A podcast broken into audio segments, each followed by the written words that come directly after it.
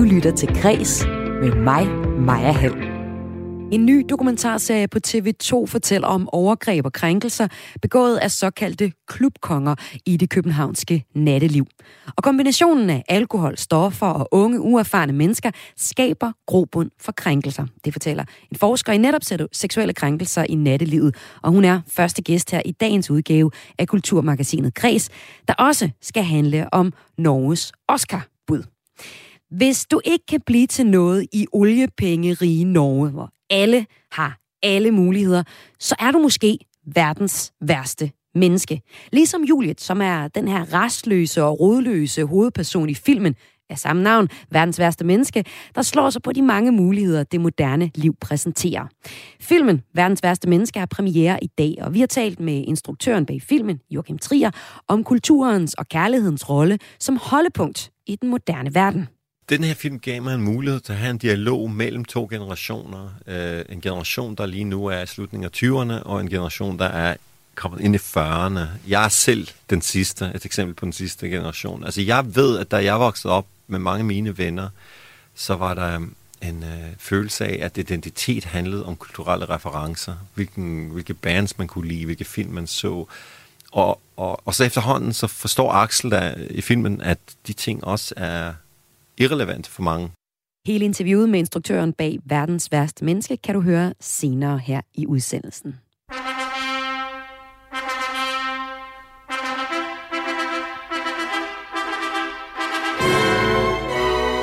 For 10 år siden i går var rejsekongen Stig Elling og hans mand med til at skrive Danmarks historie, da de som det første homoseksuelle par blev videt i kirken.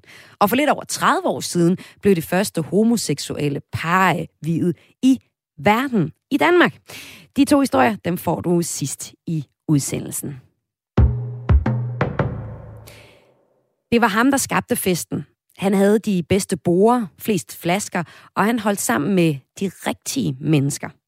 Sådan fortæller en ung kvinde til TV2 Eko om en promoter fra en prominent københavnsk natklub, som i 2015 udsatte hende for en digital krænkelse. Hun var dengang bare 16 år og havde sex med den pågældende mand efter en morgenfest. Det filmede han og delte med sine tusindvis af følgere på det sociale medie Snapchat. I en ny øh, dokumentar på TV2 Ego fortæller en række kvinder om voldtægter, overgreb og digitale krænkelser begået mod unge teenagepiger af fem såkaldte klubkonger med tilknytning til det københavnske natteliv i perioden 2012 til 2019. Dynamikkerne omkring særligt privilegerede mennesker i nattelivet, der sidder med en masse flasker ved de rigtige borer med de rigtige mennesker, det er en dynamik, min næste gæst også kan genkende fra sin forskning. Lektor på Center for Rusmiddelforskning på Aarhus Universitet, Margit Anne Petersen. Velkommen til. Tak. Du øh, forsker altså blandt andet i seksuelle grænser i nattelivet og har i forbindelse med et studie interviewet 50 unge mennesker om nattelivet, alkohol og også øh, seksuelle grænser. Her er du stødt på øh, fortællinger om særlige eksklusive miljøer på natklubber, hvor unge piger blandt andet bliver inviteret via sociale medier, altså hvor de bliver fundet på for eksempel Instagram. Hvad er det her for nogle miljøer, I stødt på? Ja, altså vi har, øh, vi har jo hørt nogle beretninger om øh, både hvordan øh, man bliver kontaktet som ung pige, hvis man har et særligt øh, udseende, øh, som er populært og, øh, og moderigtigt, eller hvad man nu kan sige. Øhm, og de bliver simpelthen kontaktet og spurgt, om de har lyst til at komme øh, til en bestemt aften eller fest, eller, eller en eller anden form for event. Og når man sådan øh, bliver... det, inviteret, fordi man har det rigtige udseende, og bliver inviteret til de her øh, smarte fester, og måske så endda de rigtige steder på natklubben, der hvor der er flasker på bordene og, og penge i lommerne hos dem, der inviteret dem. Det må jo også betyde, at der er nogle særlige magtrelationer, altså omkring de her privilegerede, privilegerede brugere med de unge piger, der er inviteret. Øh, hvilke faldgrupper skaber de her miljøer? Jamen altså, der er, jo, der er jo rigtig meget, der indikerer, at øh, dem, som øh, siger ja til de her ting, slet ikke har tænkt over, øh, hvilke konsekvenser der kunne være. Og det har jo tit noget at gøre med, øh, at det er nogle meget unge mennesker, og nogle, der er uerfarne, både i forhold til alkohol og seksuelle relationer. Øh, vi har også eksempler i vores datamateriale på, at øh, der er nogen, der simpelthen siger nej med det samme til det, eller, eller helt øh, dropper kontakten, fordi de har en idé om, at der ligger en forventning til noget, hvis de modtager de her gratis drinks eller invitationer til visse fester og klubber. Øh, men der er også øh, en del, som tænker, ej, det er spændende, og det skal jeg, jeg er jo udvalgt, eller jeg, det må være, det gør et eller andet for deres selvtillid og deres sådan lyst til at øh, udforske nye ting, som mm. jo også er en stor del af den alder og tid og øh, periode, man er i på det tidspunkt i ens liv. Ja, her taler du egentlig mere generelt, fordi den her nye dokumentar, den øh, stiller skarp på de, ja, de privilegerede mennesker, men også nogle meget eksklusive natklubber. Øh, men det, du beskriver her, kan jeg på en måde godt genkende fra min ungdom, som ikke var særlig meget anderledes end så mange andres, men det her med, at en øl, en drink, så er der måske noget mere. Altså, hvad er det for nogle øh, dynamikker, som, som du ser generelt i nattemiljøet? Jamen, altså det er klart, at det er både noget generelt og noget specifikt, det her med de her borer øh, og de her drinks, altså hvor borerne sådan er hævet over dansegulvet, og der står nogle fyre, som kan kigge ned og udpege en bestemt øh, pige, de er interesseret i, eller et par af dem. Øh, det, er jo, det er jo en anden form for sådan struktur, men, men i det hele taget er natklubber og barer og fester ofte i forskningen beskrevet som sådan nogle øh, hotspots, sådan nogle seksualiserede miljøer, hvor den måde indretningen og stemningen og normerne er på, øh, faktisk faciliterer grænseoverskridende adfærd på alle mulige måder. Hvad kan man gøre for at så skabe et tryggere miljø blandt de unge på sådan nogle natklubber her? Jamen, det er jo virkelig svært, fordi at øh, på, på mange måder er det jo en del af, af kulturen, især i Danmark, at man skal udforske og prøve ting af, mm. og alkohol, og nogle gange stoffer, men især alkohol er jo en virkelig stor del af det her øh, nattelivsmiljø. Øhm, så så det, det er jo rigtig svært, men jeg tror, noget af det, man skal gøre, det er at, at skabe en større bevidsthed om, hvad det er, øh, man går med til, og hvad det er, man ikke vil gå med til. Og der har jo her i den seneste tid været rigtig meget fokus på mm. samtykke. Mm. Øh, tror jeg bare, det er rigtig vigtigt, at man ikke bare ser samtykke som sådan et enten ja eller nej til sex, men at man ser det i en meget bredere kontekst, fordi det handler om så mange forskellige ting. Det er ikke kun om en, en ung pige har lyst til sex eller ej, det er også om, hvordan hun bliver anset i, i sin sociale vennekreds, eller blandt de her såkaldte klubkonger, som har sådan et netværk, hvor at hvis man siger nej til én ting, skal det være, at man bliver fuldstændig afskåret fra alt muligt andet.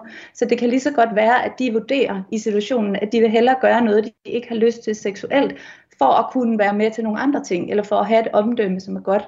Øh, så der er mange normer, der er modsatrettet, og som, som man er nødt til at have øje for i hele det her. Ja, du siger jo sådan set øh, noget, som, som jeg også kan se, de øh, unge kvinder i den her nye TV2-dokumentar fortæller, at de godt vil fortælle om det nu. De, øh, de siger, at vi var meget unge, da, da det her sker. Vi vidste ikke, hvad der var rigtigt og forkert, men tiden er også til det nu. Altså det, de egentlig fortæller, det er, at MeToo-bevægelsen har været med til at gøre det muligt, at, at man har lyst til at dele de her historier, som jo sådan set også ligger år øh, tilbage. Øhm, men en ting er at fortælle om det, Tror du, det kan, kan stoppe de her magtrelationer, hvor nogen har pengene til at, og de rigtige øh, venner til at holde nogle fester, man rigtig gerne vil være en del af, også hvis det betyder øh, seksuelle ydelser, der skal gives? Altså, jeg tror ikke, det kan stoppe det, men det kan måske være med til at skabe en større bevidsthed blandt unge. Og, og også nu, kan man sige, det er jo også noget, vi ser generelt i vores datamateriale. Ligegyldigt hvilken kontekst, der har været en grænseoverskridende oplevelse, så øh, er der flere, der siger, at det er nemmere at tale om nu. Det er som om, man har fået nogle ord og nogle begreber og nogle forståelser, som der ikke har været tidligere. Øh, så det er helt klart med til at, til at skabe nogle forandringer. Øh, jeg tror ja. egentlig også, altså man har set i Sverige eksempler på, at kampagner er målrettet krænkerne frem for offrene. Og det kunne måske også være en interessant vej at gå, at det skal ikke, alt ansvar skal ikke hvile på de her øh, unge piger især, som øh, ofte er ofre for de her handlinger. Det skal også være, øh, man har også set eksempler på, at, at der er blevet sagt for eksempel, pas på at du ikke drikker for meget, så du kommer til at overskride nogens grænser. Mm. Og hvis man kunne tænke sig at øh, høre mere om øh, misbrug i nattelivet, så kan du se dokumentarserien øh, lige præcis det navn, Misbrug i nattelivet. Den kan ses på øh, TV2 Play, YouTube og Facebook. Og med mig her havde jeg lektor på Center for Rusmiddelforskning på Aarhus Universitet, Margit Anne Petersen. Tak fordi du var med. Selv tak. Om lidt her i Kulturmagasinet Kreds stiller vi skarp på øh, det første homoseksuelle par, der blev videt i Folkekirken. Det var nemlig i går, præcis 10 år siden, at Stig og Sten Elling blev videt i den danske folkekirke. Årsdagen, den falder så i en uge, hvor LGBT-miljøet i Danmark er i opbrud med en ny forening, der kom til her i weekenden. Og øh, derfor tegner jeg her i Kreds et portræt af LGBT-foreningens stifter, Axel Akskil. Det er altså senere i udsendelsen. Men først så får du et uh, ret eksklusivt uh, interview med Joachim Trier. Du lytter til Græs med mig, Maja Hall. the game is like changing the name of your favorite song. Da, hvis du er glad i mig, hvis du elsker mig, så da fikser vi alt det andre. Ja, jeg elsker deg. Men jeg elsker deg ikke. Først vil hun være læge, så skifter hun til psykologstudiet, og så videre til at blive fotograf. Så tager hun job i en boghandel, og skifter sådan set hele tiden ståsted. Hovedpersonen Julie i Joachim Triers nye Oscar-nominerede film, Verdens værste menneske, kan ikke helt finde stabilitet og stille sig tilfreds i tilværelsen. Og øh, det er ikke kun på interesserne. Hun er lige så svært ved at finde ud af, hvad hun vil med kærligheden, som du kunne høre i klippet her. Så hvad har hun i livet, som hun ved være, og hvilke holdepunkter har hun egentlig tilbage, når alting bliver skiftet ud hele tiden? Det undersøger den her film, der har premiere i dag, og er den sidste film i instruktørens Oslo-trilogi. Og netop det der med øh, holdepunkterne, det tog min kollega Joachim Vestergaard udgangspunkt i, i et interview med den dansk-norske instruktør Joachim Trier, som vi fik lov til at snakke med i hele 20 minutter. Her taler de om, hvordan Joachim Trier portrætterer kultur og kærlighed som holdepunkter i samfundet i dag. Og vi starter med hovedpersonen Julie. Hun er i starten af 30'erne og er som sagt øh, konstant søgende og stiller sig aldrig rigtig til frisk her i filmen. Kan du ikke lige prøve at beskrive, hvad det er for et rum, Julie hun prøver at navigere rundt i? Julia er i slutningen af 20'erne, og i filmen så ser hun, at hun skal blive 30 år gammel og føler et pres på at leve op til masse forventninger, hun, hun ikke kun har fra andre, men også fra sig selv, tror jeg. Vi lærer tidligt i filmen, at hun havde gode karakterer i gymnasiet, og begyndt på medicin, og så får en eller anden eksistentiel krise og siger, nej, nu ved jeg, jeg skal gøre noget helt andet. Jeg vil studere psykologi, og så gør hun det, og så er det heller ikke helt rigtigt. Og så begynder hun at blive, skal blive kunstfotograf, og det er heller ikke rigtigt. Og alt det her sker i filmens første 4-5 minutter, så vi lærer en karakter at kende, som er, hun ved helt sikkert, hvad hun ikke vil, men hun ved absolut ikke, hvad hun vil. Og det at være konstant søgende, det er jo lidt sådan det moderne menneskes vilkår nu til dags. Det synes jeg i hvert fald. Øhm, og som jeg sagde før, græsset det er altid grønnere. Øh, hvorfor tror du, det er blevet sådan i den verden, vi lever i i dag?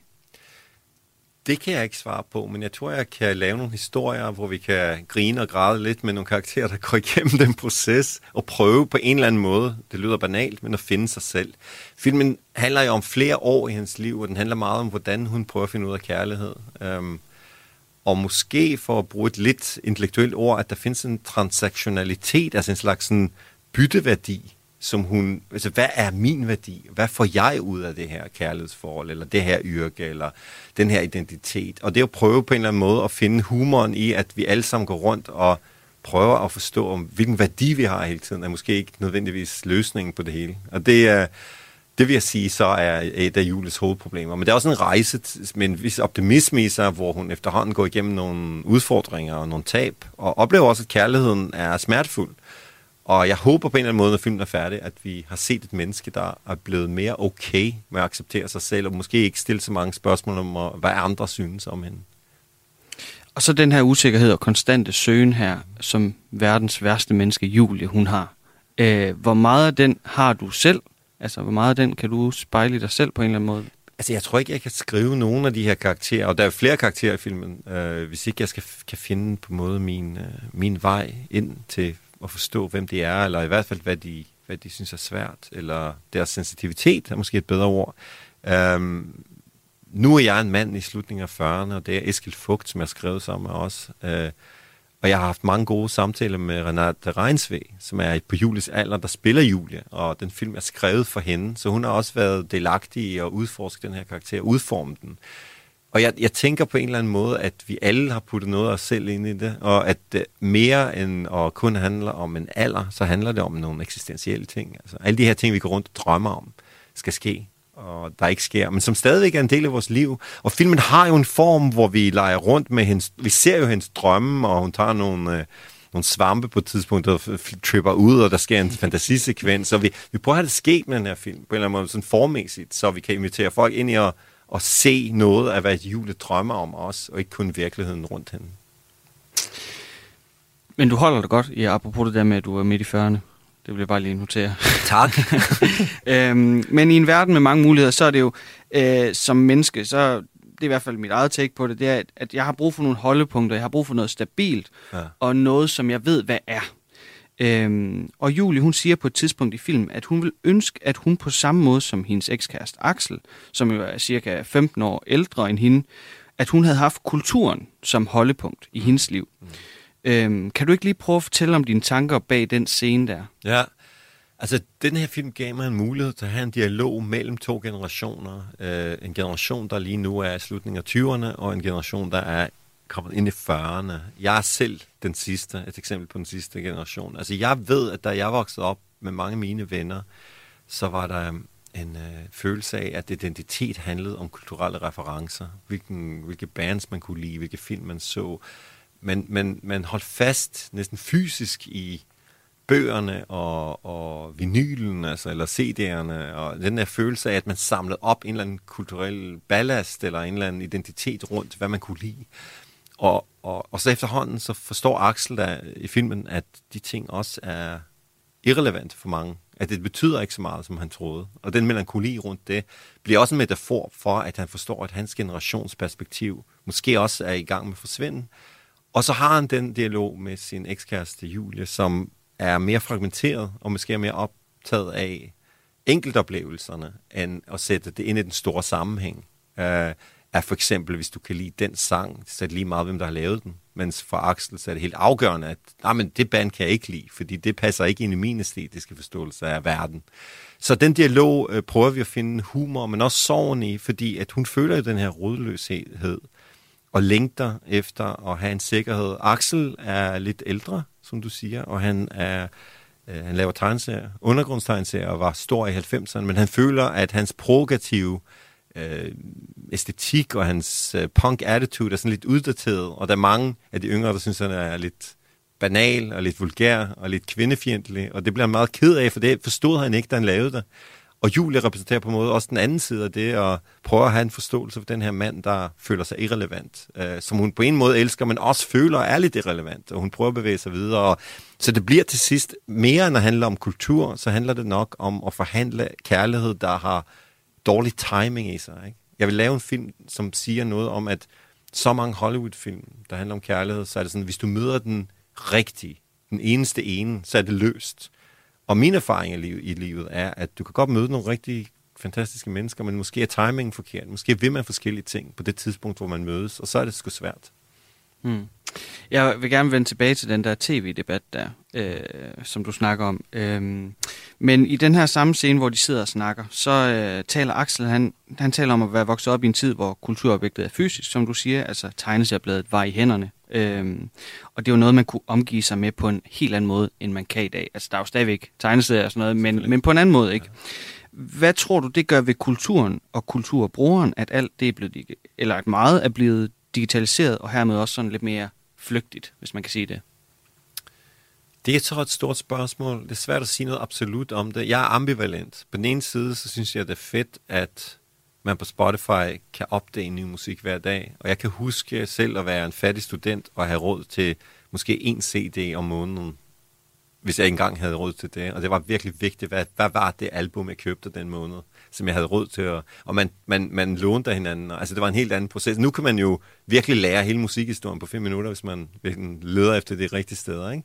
Så det er jo fedt. Uh, samtidig så blev der også en um, dybere nysgerrighed i at udforske ting på den her måde. Man var afhængig af andre mennesker og andre øh, mødepunkter øh, socialt for at få tilgang til viden og kundskab.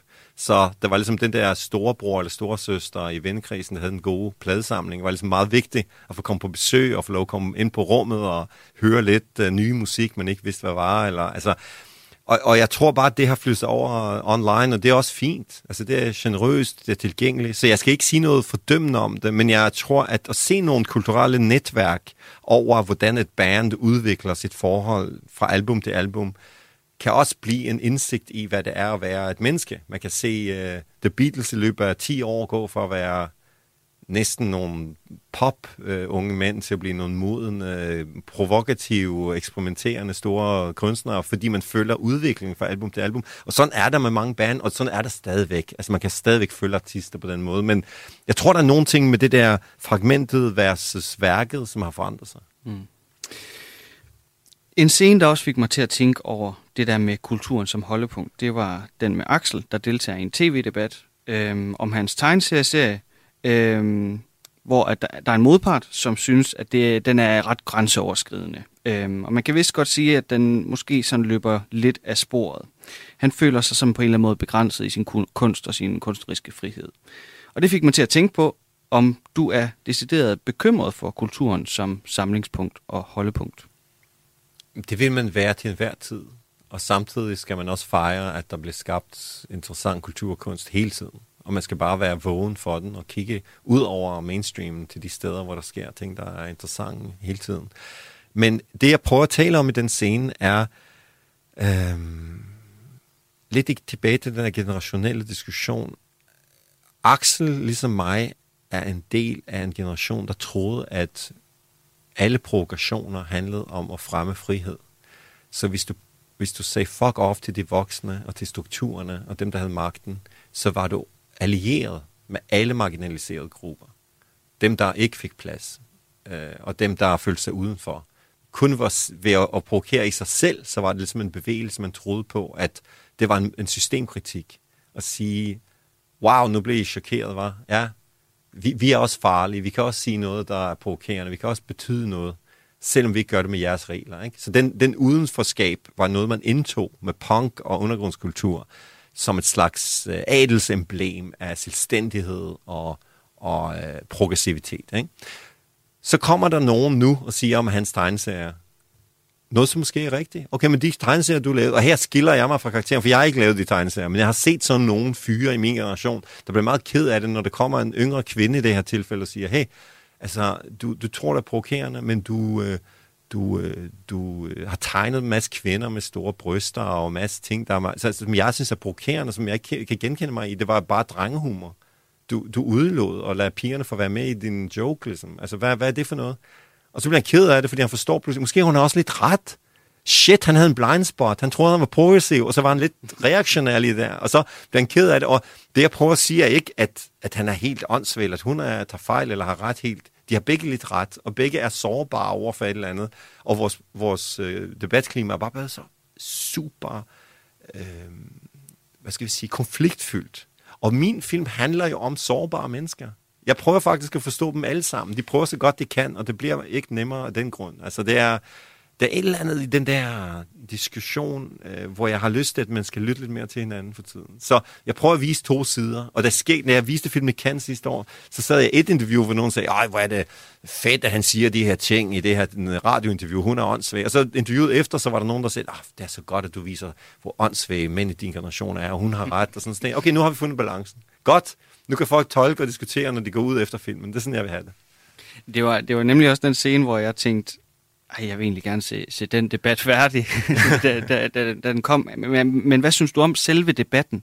Altså, det, det, den kamp, der er i den scene der. Altså, altså jeg, jeg står selvfølgelig som kunstner på siden af, af en tolerant, øh, øh, åben kunstnerisk mulighed. Jeg tror, kunsten skal få lov til at strække sig rigtig langt ud for at spille et rolle i demokratiet. Øh, kunstens rolle i demokratiet er at være et sideperspektiv, som er mimetisk, der er opfundet det spejler, det efterligner, men det er ikke virkeligheden. Det er et rum, hvor man kan teste underlige, provokerende, originale, øh, følsomme tanker ud, uden at man er i på debatsiderne i avisen, hvor man skal helst fremme en absolut holdning til noget. Så jeg tænker, at den position skal forsvares, og at det er enormt vigtigt øh, at forestille sig hele tiden et samfund, hvor det ikke findes, sådan at vi kæmper for et samfund, hvor det findes. For det er helt afgørende for os. Mm. Axel, han taler også om kunsten som noget nostalgisk, og du er også lige lidt inde på det. Øhm, at de oplevelser, vi har med kultur i de formative 20 år, øh, øh, det bliver aldrig det samme igen. Øh, hvorfor tror du, det er sådan? Hvorfor tror du, at, det, at, at der er folk, der begynder at samle på plader igen?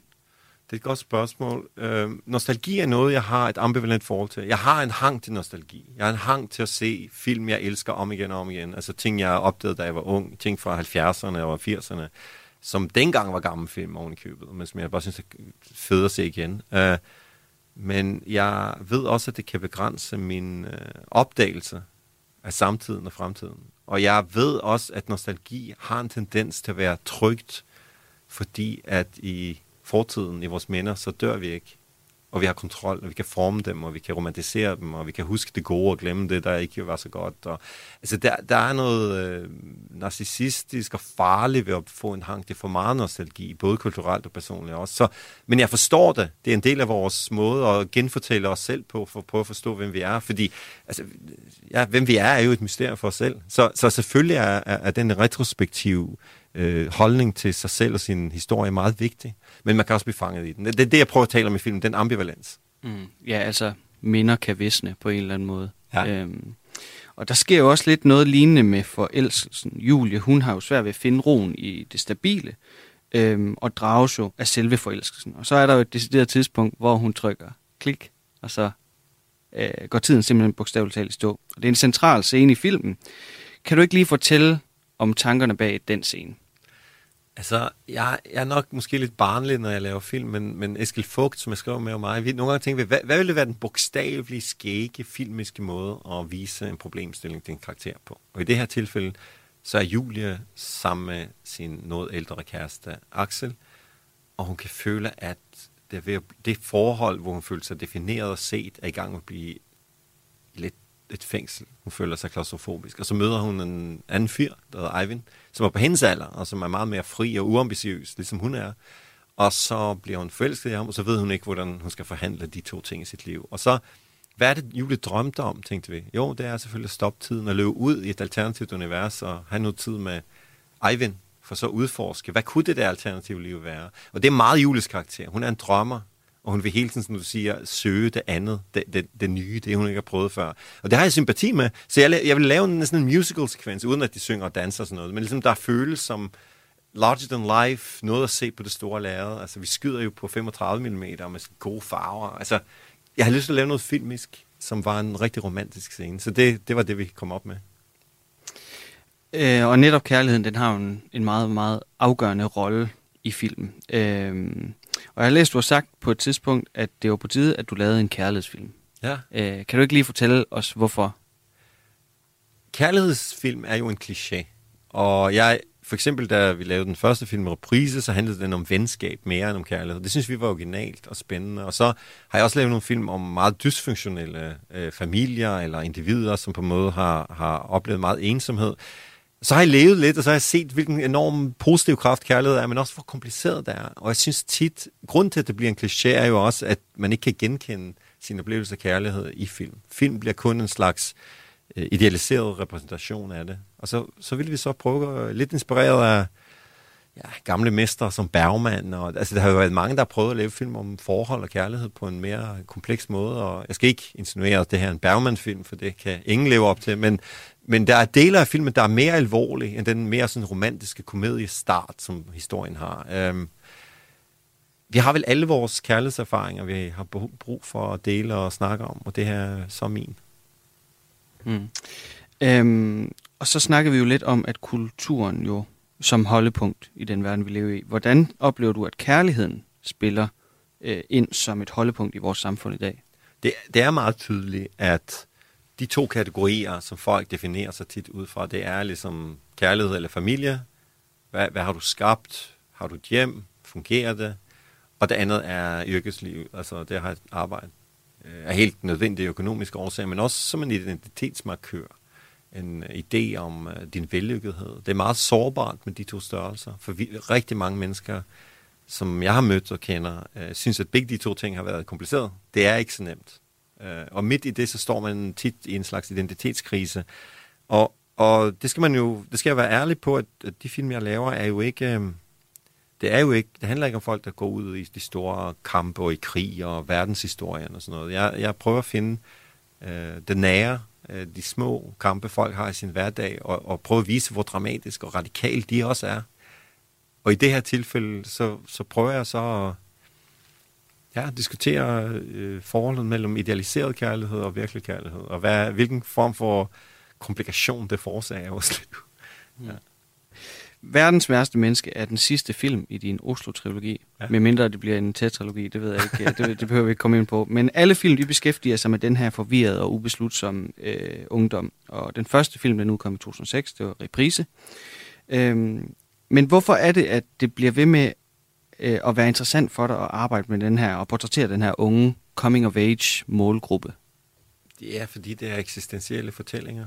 Øhm, de er jo lidt forskellige som typer, de har lidt forskellige ambitioner. Du kan sige, at i reprise så ved de to hovedpersoner, hvad de drømmer om. De drømmer så stærkt om at blive forfatter, at de vil opgive alt andet i sit liv for det, og så får de angst, fordi de ved, at måske er de ikke gode nok, eller skal de klare det, eller skal deres venskab overleve. Julia har en anden ting. Hun er meget begavet, men hun har ingen klar idé om, hvad hun vil. Hun føler en enorm pres øh, hele tiden på at skulle levere en eller anden vellykkethed, som hun i virkeligheden ikke helt føler selv. Øh, så der er, der er forskellige varianter over det samme tema måske. Hvorfor? Ja, det er et godt spørgsmål. Jeg synes, øh, som jeg var inde på lidt tidligere her, at øh, mange film handler om eksterne, store, dramatiske vendinger. Og den kamp, jeg ser de fleste rundt om mig stå i, handler meget om de nære ting. Og det at prøve at forhandle relationer. Prøv at finde ud af, hvor du hører hjemme, og hvem du er, og hvor du kan finde sted og elske dig selv. Filmen hedder jo Verdens værste menneske, fordi at mange af karaktererne, ikke kun Julie, føler sig dybest set meget mislykket. De føler ikke, at de er gode nok til at ligesom være blandt de andre. Og det at forhandle et sted blandt de andre, nu bliver jeg meget psykologisk, men det er et stort tema i vores kultur. Den følelse af at være lukket inde i øh, at være sin egen lykkesmed, og, og ligesom skulle levere en, en øh, vellykket livsstil og et, et ydre blik, som du kan leve op til, kontra det at føle sig okay med sig selv god nok for sig selv. Det er, det synes jeg er en stor kamp i mange menneskers liv, specielt unge mennesker, og det, det bryder jeg mig om så. Og jeg tror, at vi har fundet nogle måder at vise det på film. På en eller anden måde, håber jeg. Det fortalte her instruktøren på filmen Verdens værste menneske, Joachim Trier, som vi havde talt med. Det er den tredje og sidste film i Joachim Triers Oslo-trilogi, Verdens værste menneske her, og den får dansk premiere i dag, eller har dansk premiere i dag. Det er en film, der har fået flere flotte nomineringer. Den har været nomineret til den gyldne palme i Cannes, og to Oscar-nomineringer fik den også i 2021 i kategorierne bedste originale manuskript og bedste fremmedsproget film, men vandt altså ikke. Du lytter til Græs med mig, Maja Hall. I går var det 10 år siden, at rejsekongen Stig Elling og hans mand Sten Elling som det første homoseksuelle par blev gift i den danske folkekirke årsdagen her, den falder i en uge, hvor LGBT-miljøet i Danmark ellers er i opbrud. I sidste uge kom der en ny LGBT-forening, der mener, at LGBT plus Danmarks kønsaktivisme er blevet for ekstrem, og at den underminerer blandt andet kvinder og børns rettigheder. Derfor så ruller vi her på Kreds nu tiden tilbage og giver et portræt af ham, der stiftede LGBT-foreningen i sin tid. Han hedder Axel Akskil. Om lidt så skal du høre fra rejsekongen øh, Stig Elling og hans mand Sten Elling. De var altså det første homoseksuelle par i Danmark, der blev videt i folkekirken. Og her fortæller de også om Axel Akskils betydning for deres muligheder for at blive gift i kirken. Men portrættet af Axel Akskil er broget. Med en dom for sex med en mindreårig er Axel Akskils navn ikke kun forbundet med det positive. Så hvor efterlader det hans eftermæle? Det skal vi se nærmere på nu. Medforfatter fatter på bogen Bøssernes Danmarks historie, Lars Henriksen, tegner her første del af et portræt af Axel Akskil. Axel er, sådan tror jeg, almindeligt anerkendt som den stifteren af øh, det, der i dag hedder LGBT plus Danmark, som øh, er verdens næst ældste stadig eksisterende LGBT plus organisation. Øh, Axel er født i Odense, øh, hvor han vokser op, og så flytter han lidt rundt omkring i landet, inden han ender i Aalborg. Øh, han er en ung mand, som er politisk engageret. Han er engageret i det parti, som hedder Retsforbundet. Og øh, så arbejder han og bor han i, i Aalborg. Øh, og han bliver sådan meget optaget af, øh, efter 2. verdenskrig, alle de tanker, der er om øh, at formulere universelle verdensomspændende menneskerettigheder som et svar på de uhyrligheder, man har opdaget er foregået blandt andet i de nazistiske koncentrationslejre. Øh, og det fører jo frem til, at man i 1948 i Paris vedtager verdenserklæringen om menneskerettigheder, som på en eller anden måde skal sætte to streger under, at alle mennesker uden persons ansættelse er lige og har en umistelig og ukrænkelig værdi. Øh, og det, er, det, det går Axel som ung bøsse, øh, eller homofil, som han nok ville have kaldt det, øh, meget op i. Men det han også opdager, det er, at der i den her menneskerettighedserklæring overhovedet ikke er nogen øh, ord om øh, seksuel orientering. Øh, og i 1948, der står han oppe i Kildeparken i Aalborg til Sankt Hans aften, øh, og der bliver holdt båltaler, og de båltaler handler også om den her verdenserklæring om menneskerettigheder. Han er der sammen med sådan en gruppe af venner. Øh, og efter det, så står de og taler om netop det her, øh, som også har været optaget af, at, at seksuel orientering og seksuel, øh, seksuel frihed ligesom ikke er nævnt i det her. Og så siger Axel på et tidspunkt, så den lyder historien i hvert fald, så må vi stifte en forening, og øh, der er flere, der ryster på hovedet og siger, at det går ikke, og det, er, det kan man ikke i Danmark osv. Men øh, det beslutter han sig for at gøre, øh, og så stifter han det, der først kommer til at hedde Kredsen, men øh, det viser sig så, at det er der så også en, en, en nonneorden, der hedder, og de klager over, at, at der nu også er en forening for homofile, der skal hedde det, og så ændrer man navn til Forbundet af 1948, som er det navn, som foreningen så kommer til at have i de første mange år. Øhm, og, og ret hurtigt, så får foreningen faktisk op, øh, op over 1000 medlemmer, sted mellem 1100 og 1500 medlemmer. Det går ganske hurtigt. Øh, så der har jo tydeligvis været en eller anden form for behov. Øh, men samtidig så oplever Axel også det, at der er en journalist, der får snuset op, at han altså, som også er aktiv i Retsforbundet, Retsforbundets Ungdom, og han driver også sådan en, en, en lille postordervirksomhed, øh, og, og de her ting er forbundet i en postboks nede på, på Aalborg hovedpostkontor, og det er også der, hvor forbundet 48 får sin postadresse, og så lægger man to og to sammen og siger, hvem er det, der ejer den her postboks, om det er ham der fra Retsforbundet, og lige pludselig så står der på forsiden af avisen, at en øh, Aalborgensisk øh, ungdomspolitiker står bag en ny forening for, for homofile. Øh, og det fører til, at Axel både bliver smidt ud af sit parti, han bliver også øh, opsagt i det pensionat, hvor han bor, og han bliver fyret fra sit arbejde, øh, og kan faktisk ikke blive i Aalborg. Og så flytter han til København i, i begyndelsen af 1949. Nu øh, nævner du her til sidst nogle, nogle forskellige øh, risici øh, ved, at han, han starter det her øh, foretagende, men, men var der andre ting, som gjorde dengang, at det var ekstra risikabelt at være forgangsmand inden for det her? Jamen altså, der var, jo, der, der var jo kommet en ny straffelov i 1930, som fik øh, effekt i 1933, som sådan populært sagt er den straffelov, der afkriminaliserede homoseksualitet. Så på den måde var, var homoseksualitet som sådan ikke kriminelt, men derfor var der jo stadigvæk et stærkt stigma omkring det at være homoseksuel. Øh, der var stadigvæk en opfattelse af, at det var en psykisk sygdom, Øh, der var også faktisk nogle endokrinologer, der spekulerede i, at det kunne handle om en ubalance i hormonsystemet. Øh, det førte til nogle ret vilde eksperimenter på koncentrationslejrefanger i Buchenwald under krigen, øh, anført af den danske læge Karl Peter Wernet. Øh, og, øh, og i det hele taget, at homoseksualitet var en anomali, altså noget, som man på en eller anden måde skulle kurere, og som man i nogen grad også skulle beskytte øh, unge mennesker imod.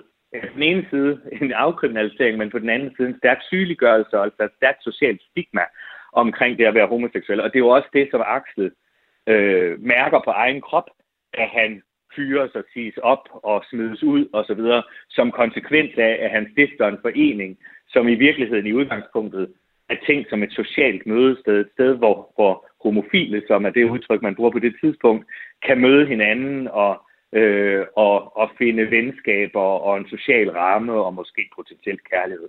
Øh, det er jo ikke noget sådan, kan man sige, voldsomt kontroversielt set med, med vores dages øjne. Kan du så ikke lige øh, prøve at fortælle lidt øh, om, hvad Axel Axel han øh, rent faktisk opnåede ved at lave den her forening her? Jo, altså Axel flytter jo så til, øh, til, til København, øh, og det er her, at foreningen tager fart, og man får også øh, dannet blandt andet en Københavns afdeling, som en lokal afdeling, og så har man ligesom landsafdelingen. Øh, Axel er også ganske optaget af sådan en skandinavistisk tanke om, at man skal forbinde sig på tværs af de skandinaviske lande, øh, og de foreninger, der i dag hedder FRI i Norge, øh, og RFL Riksforbundet for seksuel ligeberettigelse øh, i Sverige, er sådan set udsprunget af Axels tanker om en fælles øh, forening i Norden. Så man kan sige, at den skandinaviske idé realiserer han ikke, men er ligesom med til at føde. Øh, og han holder enormt meget kontakt udad til verden, også med tyske og øh, svejtiske organisationer osv., og, og er ret internationalt aktiv samtidig. Så, så, så man kan sige, at hele grundlaget for, for, for dansk LGBT øh, kamp er i virkeligheden Axels fortjeneste. Det er ham, der, der ligesom øh, er primus motor i at få samlet nogle mennesker, øh, som har en fælles idé om, at man ved at stå sammen og ved at advokere for sin sag øh, og gøre det offentligt også, har en mulighed for at forandre diskrimination til respekt. Så kan du lige prøve at øh, svare på, hvordan homoseksuelles rettigheder har set ud i dag uden ham? Du er lidt inde på det. Jamen, det ville jo være sådan en lidt kontrafaktisk historieskrivning, fordi øh, der er jo ikke nogen, der ved, øh, hvad der var sket. Hvis Axel ikke havde stået op i Kildeparken og fået den idé, så kunne det jo have været, at der var en anden et andet sted, der havde fået en idé. Det, det, det er jo ikke usædvanligt, at det sker. Nu er det bare ham, der gør det. Altså, der, med, og, og, og han gør det med de omkostninger, det så har øh, at stå frem som... Øh, og, og i virkeligheden tror jeg, at det er det, der er det allervigtigste at han rent faktisk, og så kan man så sige, gør han det frivilligt eller ej, det gør han jo ikke helt, fordi han bliver afdaget af den her journalist. Men da først ligesom navnet er ude, han hedder på det tidspunkt Axel Lundahl Madsen, øh, så er, kan man sige, plasteret jo hævet af, øh, og så bliver det mindre vanskeligt måske for Axel at stå frem fremadrettet. Øh, og det tror jeg har en ret stor effekt lød her fra Lars Henriksen, som min kollega Joachim Vestergaard havde talt med for at få et portræt af stifteren af foreningen, som vi nu kender som LGBT+. Lars Henriksen, Henriksen er udover at have skrevet øh, bogen Bøssernes Danmarks historie, også politisk forperson i Copenhagen Pride. Lars Henriksen og portrættet af Axel Axgil vender vi tilbage til, for øh, gennem tiden har der været øh, mange til at kæmpe for LGBT plus miljøet. Blandt andet de næste to, du skal møde.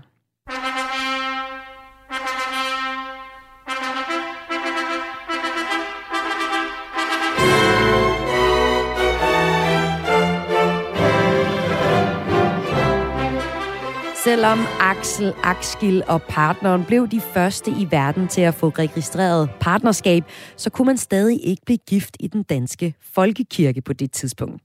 Det ændrede to herrer så på. I går var det nemlig 10 år siden, at rejsekongen Stig Elling og hans mand Sten Elling som det første homoseksuelle par blev gift i den danske folkekirke. Stig Elling og Sten Andersen har dannet par siden øh, 1987, og de blev også så endelig øh, gift i Frederiksberg Kirke i den 15. juni 2012.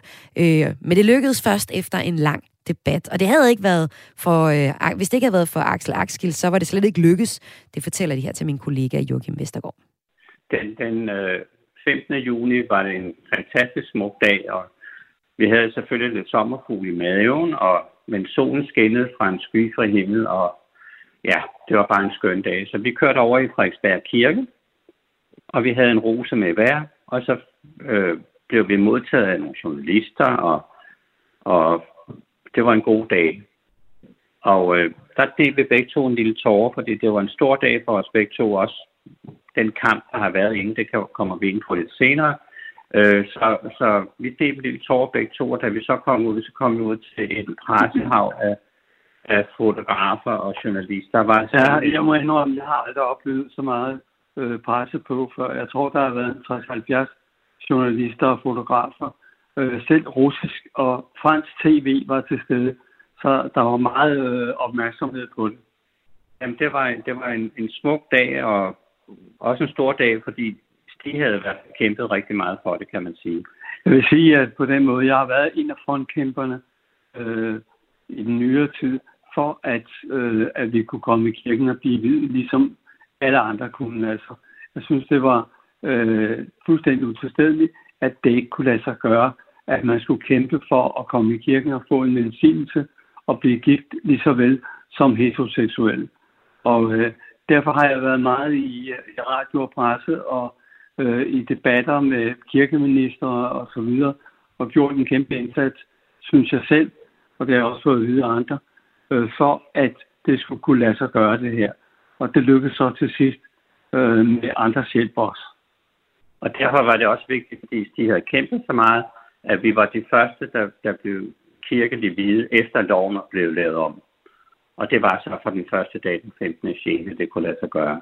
Inden da havde Stig, øh, han var kommunalpolitiker på Frederiksberg for de konservative, og så havde han ellers kæmpet igennem alle de her forskellige øh, kirkeministre. Han havde været inde på, på Christiansborg fordi de, de konservative, hvor dengang var det Lars Barfod, der var formand, at de ville have, at alle, skulle, alle i gruppen skulle stemme ens. Så var Stig inde, jeg var faktisk med derinde, og så sagde Stig, at hvis det er, at, at det er sådan, I vil have det, det konservative, så melder jeg mig ud af partiet. Så det endte med, at øh, gruppen, Folketingsgruppen fik lov til at stemme personligt, og de skulle ikke stemme ens i hele partiet. Så, så foruden det måtte han så også kæmpe sit eget parti, kan man sige. Men øh, det lykkedes da, og det var især Manu Seren, som fik ændret loven. Og øh, ja, mm. det var dejligt. Det, det, var, det, var, det var kampen værd. Nu, nu fortæller I lidt om den her kamp her, og, øh, og det er jo, der er jo blevet taget mange kampe for, for de homoseksuelle, blandt andet en af dem, der virkelig tog et, et ordentligt slæb, det var Axel Axgil. Øhm, og han blev jo den første registrerede par øh, i 1989. Kan I øh, fortælle lidt om, hvad er jeres forhold til Axel Axgil? Jeg vil sige det på den måde, at øh, jeg synes, han har været en fantastisk person. Han turde at stå frem, fordi på det tidspunkt var det jo mere tysk end det er nu. Altså der holdt man det fra sig selv og gjorde ikke noget. Øh, han var manden, der turde at gøre det, og faktisk har banet vejen for alle os andre i bund og grund. Øh, så jeg vil sige, at han har gjort en kæmpe indsats og været en fantastisk person, øh, som vi skal være glade for, der virkelig kæmpede den kamp, han kæmpede. Og derfor synes jeg sådan set også, at det, det var dejligt, at vi var det første i Danmark, der tillod de her registrerede partnerskaber. Derfor synes jeg heller ikke, det klæder os at komme så sent til at få lov til, det, få lov til at blive hvide i kirken sagde her Stig Elling og Sten Andersen, der altså var det første par til at blive videt i kirken, i Folkekirken her i Danmark. Det ville ikke have været muligt, den her hvilelse, hvis ikke det havde været for stifteren af LGBT-foreningen Axel Akskil, fortæller de. Men Akskil var også en mand med et tilsmuset eftermæle, eller den i hvert fald fået efterfølgende, fordi i øh, 2013 så ændrede, eller det vi kan se på der. I 2013 så ændrede vejnavnet nævnet beslutningen om at give plads ved Vestervoldgade i København navnet Axel Axels Plads. Det gjorde det efter, de fandt frem til antagelser om Axels medlemskab i pædofiliforeninger og dommen for sex med en mindreårig. Så det er også noget, der sidder fast, selvom han var manden, der har haft den største betydning for organisationen LGBT plus i Danmark. Men det hele beror på en misforståelse, mener Lars Henriksen. Altså, der sker jo det, at øh, Axel i 1949 øh, nede i Pariserklubben faktisk møder Ejgil, øh, som bliver hans kæreste, og som han kommer til at tilbringe resten af sit liv sammen med. Og de to, kan man sige, er sammen i tygt og tyndt. Øh, på et tidspunkt, så, så, så løber Axel øh, øh, uoverens med landsforeningen eller med forbundet, Øh, han har, man mangler ligesom penge, og Axel har set, at man i Schweiz, i en tilsvarende organisation, har tjent nogle penge til organisationen ved at sælge såkaldte kunstbilleder, som man har kunne sende ud til medlemmerne. Det er sådan lidt, kan man sige, sådan lidt måske erotisk øh, øh, orienterede nøgenbilleder, men, men ikke det, man i, i moderne forstand ville kalde pornografi, øh, for der var ikke flere mennesker på, og der var ikke penetration og så videre, men det var, det var billeder af nøgne mænd. Og det bliver de dømt for. Og faktisk så øh, finder man også nogle af modellerne, og hos en af modellerne finder man en dagbog, hvor der står, at, han har, at den her unge mand har også haft sex med, med Ejgil og Axel. Ejgil og Axel. Øh, og da øh, den unge mand, som Axel øh, har været sammen med, er 17 år, så er han jo under den seksuelle lavalder på det tidspunkt for homoseksuelle forhold. Øh, så det bliver de faktisk også dømt for. Øh, og så kommer de i fængsel. Øh, og så bliver de smidt ud af landsforeningen da man i 1989 er lykkedes med at få overbevist politikerne om, at der er fornuft i at indføre et registreret partnerskab for samkønnet par, øh, så er Axel altså blevet taget til noget igen i foreningen, og mange kan se fornuften i, at han som stifteren med sin kæreste, og de har jo på det tidspunkt været forlovet i 40 år, øh, får lov til at få den ære at øh, være det første par i verden, som kan registrere deres deres parforhold. Og det sker så den 1. oktober 1989 på Københavns Rådhus.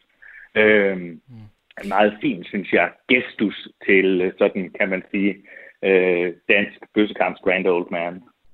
Øhm, for lige at hurtigt vende tilbage til det der med, at han havde sex med en dengang mindreårig. Hvordan har det øh, efterladt mm. hans øh, eftermæle? Jamen, det har jo i virkeligheden spoleret det i nogen grad, og jeg synes jo, det er vigtigt, at øh, at man netop ikke ser kontrafaktisk på historien. Jeg synes, det er vigtigt, at man bedømmer øh, historien ud fra de præmisser, der er på den tid. Fordi det er rigtigt nok, at Axel er dømt for sex med en mindreårig. Øh, og, øh, men, men, men det er jo ikke en, der vil, en person, der ville have været anset for at være mindreårig i dag. Øh, og det synes jeg er en vigtig talje eller en vigtig pointe at have med. Men det bliver han jo, kan man sige, en måske eftertid, der har travlt med at at pege fingre af folk, der har begået fejl i fortiden. Øh, så bliver lige her ligesom to ting lagt sammen til, at øh, han pludselig er en persona non grata, og det synes jeg faktisk er en lille smule, øh, ikke ufor, jo, det kan godt sige ufortjent, men jeg synes faktisk det er også, det er en lille smule urimeligt. Jeg synes, det er en lille smule retfærdigt øh, op imod alt det, Axel faktisk står for. En lille smule uretfærdigt, mener Lars Henriksen, altså om øh, Axel Axgils historie. Og øh, Henriksen har skrevet en bog om lige præcis bøsser og homoseksuelle generelt øh, historie, som er derfor, han har viden om øh, Axel Axgil. Og det er jo altså det, vi har kapitaliseret lidt på her i udsendelsen i dag. Øhm, selvom Stig og Sten Elling er klar over, hvad Axel Axgil er dømt for, så har de stor respekt for ham og alt, hvad han har gjort for LGBT-miljøet, fortæller de. Altså, jeg synes, det er ærgerligt. Øh, rigtig ærgerligt for ham. Øh, det, øh, det fortjener han ikke. Men jeg vil omvendt sige, at han brød loven, og det, var, det skulle han ikke have gjort. Så det tager jeg afstand fra. Jeg har mødt ham et par gange øh, til lidt fest og lidt forskellige arrangementer, og jeg har også talt med ham, og en meget øh, positiv person, øh, og rar og hyggelig at tale med og havde sin, sin meninger med sin meningers meninger. Men øh, det var da en mand, der, der stod for, hvad han gjorde. Det fortalte altså Stig Elling og Sten Elling, der i går for 10 år siden, som det første homoseksuelle par nogensinde blev gift i den danske folkekirke. Axel Axgil stod i øh, 2007 bag Danmarks første homoseksuelle gravsted, Regnbuen på Assistenskirkegård i København, hvor han selv siden er blevet begravet. Han døde oktober 2011. Og det var øh, historierne i den her uges, eller den her dags udgave af Kulturmagasinet Kreds, et program tilrettelagt af Søren Berggren Toft og Joachim Vestergaard Jensen.